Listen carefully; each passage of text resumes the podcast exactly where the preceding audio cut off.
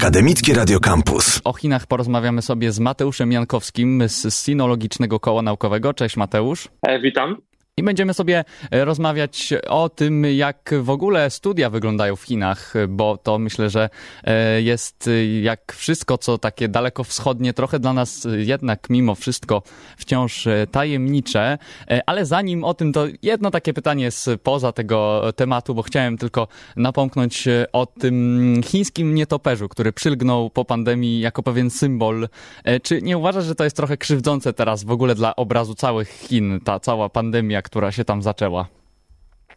E, nawet bardzo. Ja bym powiedział, że to już e, zakrawa trochę na taki rasizm, e, z którym ja i moi koledzy i koleżanki z sinologii UW staramy się walczyć z różnym skutkiem. Przede wszystkim, jeśli chodzi o całe jedzenie nietoperzy i tą potrawę, którą się z niego przyrządza, to jest ona tylko i wyłącznie jedzona w jednej prowincji, tak naprawdę w której to się wszystko zaczęło, której stolicą jest właśnie miasto Wuhan. Natomiast e, w pozostałych częściach Chin, e, no to jest, to nie jest coś na porządku dziennym, tak? I e, dla większości Chińczyków jest to też dosyć ekstremalne. I to jest raczej potrawa, którą się je na zasadzie, żeby zaimponować znajomym, bo to jest trochę hardkorowe. Ale to nie jest coś, co je się na porządku dziennym, to nie jest w żaden sposób jakaś tradycja kulinarna Chin, to jest raczej jedno bardziej z, z takich ekstremalnych dań, tak? Mhm. Natomiast y, absolutnie to nie jest y, coś bardzo powszechnego i tak dalej. Dlatego uważam, że taki, takie stereotypizowanie jest bardzo krzywdzące i tak naprawdę y, Chińczycy tak samo na tej pan, pandemii ucierpieli jak reszta świata i uważam, że, powinni, że powinniśmy w jakiś sposób tym obarczać i E, powielać stereotypy, które po prostu szkodzą. Mhm, no właśnie, e, ale przejdźmy już e, do, do tego, mm, jak studia wyglądają w Chinach, bo Chiny to jest kraj olbrzymi, więc tym bardziej te stereotypy to myślę, że w ogóle nie mają zastosowania w przypadku takich, takiego dużego państwa. Na pewno trudno jest ogarnąć tamtejsze uniwersytety mm, jako tako, no bo jest ich bardzo, bardzo dużo, ale czy można je na przykład porównać poziomem z amerykańskimi albo brytyjskimi uczelniami? E, zdecydowanie tak. Ja w ogóle mam bardzo duży problem, bo w Polsce mało osób zdaje sobie sprawę, że chińskie uczelnie są bardzo dobre i są e, niezwykle wysoko w rankingach e, światowych. No przykładem może być taki ranking bodajże brytyjski QS, który właśnie mm, porządkuje te wszystkie uniwersytety. Tam bardzo wiele kryteriów jest branych pod uwagę. No i najlepszy uniwersytet w Chinach, uniwersytet w Pekinie, który nazywa się Tsinghua, jest 15 e, najlepszym uniwersytetem na świecie, czyli e, wyprzedza o dwa miejsca Yale. Z tak zwanej Ivy League, czyli Ligi Bluszczowej, która uchodzi za najlepszą, najlepsze uniwersytety na świecie. Tylko dwa uniwersytety, czyli Harvard i Princeton, prześcigają właśnie ten, ten chiński uniwersytet. No i z tego, co patrzyłem, około 10 uczelni chińskich jest wyżej w rankingach niż najlepsze uczelnia w Polsce. Także E, wydaje mi się, że e, to też taki kolejny stereotyp, który powinien się skończyć, bo chińskie uczelnie są naprawdę bardzo dobre, przede wszystkim są e, dość dobrze dofinansowane. Może nie aż tak bardzo jak amerykańskie uczelnie, bo tam cała kultura studiowania i prestiż uniwersytetów jest budowany przez naprawdę już dość długi czas. Natomiast myślę, że wiele nie odbiegają i tak naprawdę można studiować w Chinach na bardzo prestiżowej uczelni, E, która też na przykład współpracuje z uczelniami amerykańskimi czy brytyjskimi, także mhm. myślę, że to też kolejny stereotyp, który warto obalić. No to jeżeli już wiemy, że tam są e, tak dobre uczelnie, to czy trudno się dostać na chińskie uczelnie, na przykład tobie, Polakowi, tak powiedzmy? E, to znaczy, jako student, że tak powiem, międzynarodowy, mam zdecydowanie łatwiej niż Chińczycy. W ogóle dostawanie się na te studia wygląda na zupełnie innych zasadach. No i akurat udało mi się właśnie dostać e, na studia magisterskie do Szanghajskiego Uniwersytetu e, Jiaotong, który jest jednym z tych prestiżowych i należy do e, tak zwanej Ligi C9. Liga C9 to jest taki odpowiednik właśnie Ligi Bluszczowej i należy do niej dziewięć najlepszych uniwersytetów chińskich. Także zdecydowanie łatwiej jest międzynarodowemu studentowi się dostać. Też jest wyznaczona specjalna ilość miejsc dla studentów międzynarodowych. E, i tak naprawdę e, patrzą bardziej pod kątem e, osiągnięć akademickich, udzielania się w jakichś organizacjach studenckich, wolontariatach, też rozmowa kwalifikacyjna.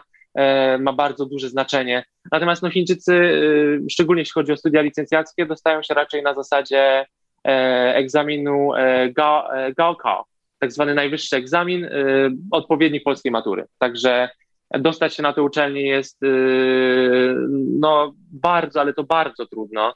I tak naprawdę ten ostatni rok liceum w Chinach to jest ciągła nauka, praktycznie od rana do nocy, e, bo dostanie się do tej dobrej uczelni chińskiej to jest tak naprawdę już furtka do sukcesu. Szczerze mówiąc, wiele więcej nie trzeba robić, bo próg też przyjęcia na tę uczelnię jest bardzo wysoki. E, też oglądałem ostatnio mm, dokument na ten temat, gdzie porównywano próg przyjęcia na chińskie uniwersytety z tymi najlepszymi amerykańskimi typu Harvard, Yale czy Princeton. No i próg przyjęcia na amerykańskie uczelnie jest niższy niż na chińskie, czyli chińskie uczelnie te najlepsze przyjmują mniej studentów niż y, te amerykańskie. Także biorąc jeszcze pod uwagę, jak duża jest populacja Chin, jak wielu studentów kończy liceum każdego roku, no to rywalizacja jest ogromna. Tak zwany wyścig szczurów zaczyna się w tej ostatniej klasie liceum, gdzie każdy walczy o zdanie tego egzaminu jak najlepiej, który jest no, wyjątkowo trudny. Mhm. Trzeba przyznać, że naprawdę poziom jest bardzo wysoki. Mówiliśmy sobie o tym, że w Chinach jest trochę ten wyścig szczurów, no bo jak w kraju E, jak przystało na kraj, którym jest miliard ludzi, a uczelni pewnie no, jest o wiele mniej e, niż, niż można by było e, obsłużyć tych wszystkich ludzi i pewnie podaż, tak brzydko w sumie trochę o tym powiem, że podaż jest na pewno dużo mniejsza niż popyt. Jaka w związku z tym panuje atmosfera na chińskich uczelniach? Bo ty już miałeś troszkę szansę zaznać tej atmosfery i tego klimatu. To znaczy tak, jeśli chodzi o samą atmosferę, Mm, powiedziałbym, że dość stresująca, e, ponieważ bardzo często e, czesne na takich uczelniach e, jest bardzo wysokie i rodzice tych studentów płacą ogromne pieniądze na, na edukację swoich dzieci. No i ci studenci czują bardzo dużą presję, że muszą naprawdę być najlepsi, że muszą się starać, że muszą z tej edukacji wyciągnąć wszystko, co mają, e, bo, bo, bo jakby e, to jest cała ich przyszłość, tak? Mhm. E, ich późniejsza kariera zawodowa i też znajomości, jakie na tych uczelniach zdobędą i kontakt z profesorami. To wszystko składa się na to, jak, jak później będzie wyglądało ich życie. Bo trzeba wspomnieć, to jest bardzo ważne, że Chiny to jest merytokracja. Tak zwany system egzaminów cesarskich panował już od 596 roku naszej ery, za czasów dynastii Sui gdzie bez względu na pochodzenie, e, wyznanie, cokolwiek, e, każda osoba mogła e, startować w tak zwanych egzaminach cesarskich i potem być urzędnikiem na dworze cesarza. Także wydaje mi się, że ta mentalność przez te setki lat nie zaginęła i ona nadal tkwi gdzieś tam w, w Chińczykach i edukacja jest naprawdę bardzo ważna. I co jest moim zdaniem fajne, to to, że ten status i to jakby jakimi ludźmi e, rodzą się Chińczycy, na jakiej pozycji są ich rodzice, e, nie jest tak istotne jak na przykład w Stanach czy w Europie, bo najważniejsze jest to e, tak naprawdę, jak sobie radzisz na tej uczelni, jakie masz wyniki i co jesteś w stanie osiągnąć przez te kilka lat. Tak naprawdę jest ten ograniczony czas. Licencjat w Chinach trwa z reguły 4 lata, rok dłużej niż w Polsce, także mają 4 lata tak naprawdę na osiągnięcie wszystkiego, co da im potem narzędzia do e, znalezienia dobrej pracy i ułożenia sobie dobrego życia, żeby potem pomóc swoim rodzicom finansowo, którzy e, najpierw właśnie inwestują w swoje dzieci ogromne pieniądze na tę edukację, płacą często gigantyczne czesne i utrzymanie w tych największych miastach chińskich e, typu Szanghaj, Pekin czy Guangzhou, żeby potem te, ta inwestycja się zwróciła i żeby ich dzieci miały na tyle dobre życie i na tyle dobrą pracę, żeby ich wspomóc potem już jako starszych, e, starsze osoby. Mhm. A jak jest tam z kontaktami takimi po prostu studenckimi, e, międzyludzkimi? No wiadomo, że w trakcie pandemii wygląda to na pewno zupełnie inaczej, ale czy mimo tego na przykład, że no jest tam ten wyścig i wszyscy starają się jak mieć jak najlepsze wyniki i pewnie to trochę może zatruwać tą atmosferę, e, to czy jak, jaka tam panuje właśnie ta taka międzyludzka atmosfera? E, to znaczy, moim zdaniem, e, pomimo tego wyścigu szczurów, to Chińczycy też potrafią bardzo dobrze ze sobą współpracować. Jest to takie trochę egalitarne społeczeństwo, gdzie też każdy musi odegrać swoją rolę, to wynika z konfucjanizmu. Też trzeba wspomnieć o tym, że nawet w akademikach często Chińczycy mieszkają na przykład w sześć osób w jednym pokoju, tak? Na tak małej przestrzeni tyle osób, no nie da się jakby mieć tak naprawdę złych relacji, bo no, to byłoby koszmarne, tak? Takie, e, takie codzienne życie. Dlatego mimo wszystko starają się być e, w porządku i uczciwi wobec swoich e, kolegów i koleżanek. I ta rywalizacja jest raczej trochę z samym sobą, ale ona nie jest taka zażarta. Tam jakby w mentalności chińskiej raczej nie ma takiego, takiego myślenia, żeby zaszkodzić koledze czy koleżance, żeby samemu jednak e, coś osiągnąć. Raczej nie, raczej jest jednak współpraca, bo wszyscy wiedzą, że e, pracują tak naprawdę ten, na ten sam cel, więc hmm. raczej sobie pomagają i raczej e, te przyjaźnie, powiedziałbym nawet, że zostają potem na całe życie, które zdobędą podczas zdobywania edukacji na uczelniach wyższych. A jak tam pandemia wpłynęła na cały system edukacji? Czy też wszystko jest zdalnie? E, tak, do tej pory wciąż studia są zdalne. No, trzeba przyznać, że Chińczycy z powodu, że pandemia zaczęła się e, właśnie tam, są pionierami w nauczaniu online. Te najlepsze uniwersytety bardzo dobrze przetestowały ten system. E, ja sam będąc na szkole letniej właśnie na tym najlepszym uniwersytecie chińskim Tsinghua, miałem okazję posłuchać, jak to wyglądało. I naprawdę doskonale zostało to wszystko skonfigurowane. Wielu studentów dostało też pomoc często materialną, żeby e, na, na, na jakiś zakup sprzętu i tak dalej.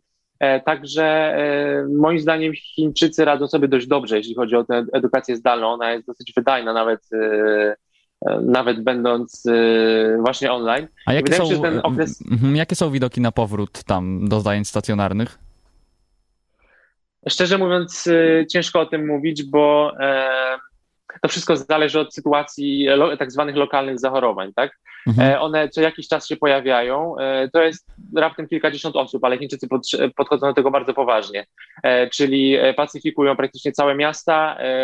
Wszyscy obywatele idą jakby muszą przejść testy na koronawirusa i następnie te osoby, które są zarażone bądź zagrożone zarażeniem, odbywają kwarantannę. To, to się dzieje momentalnie.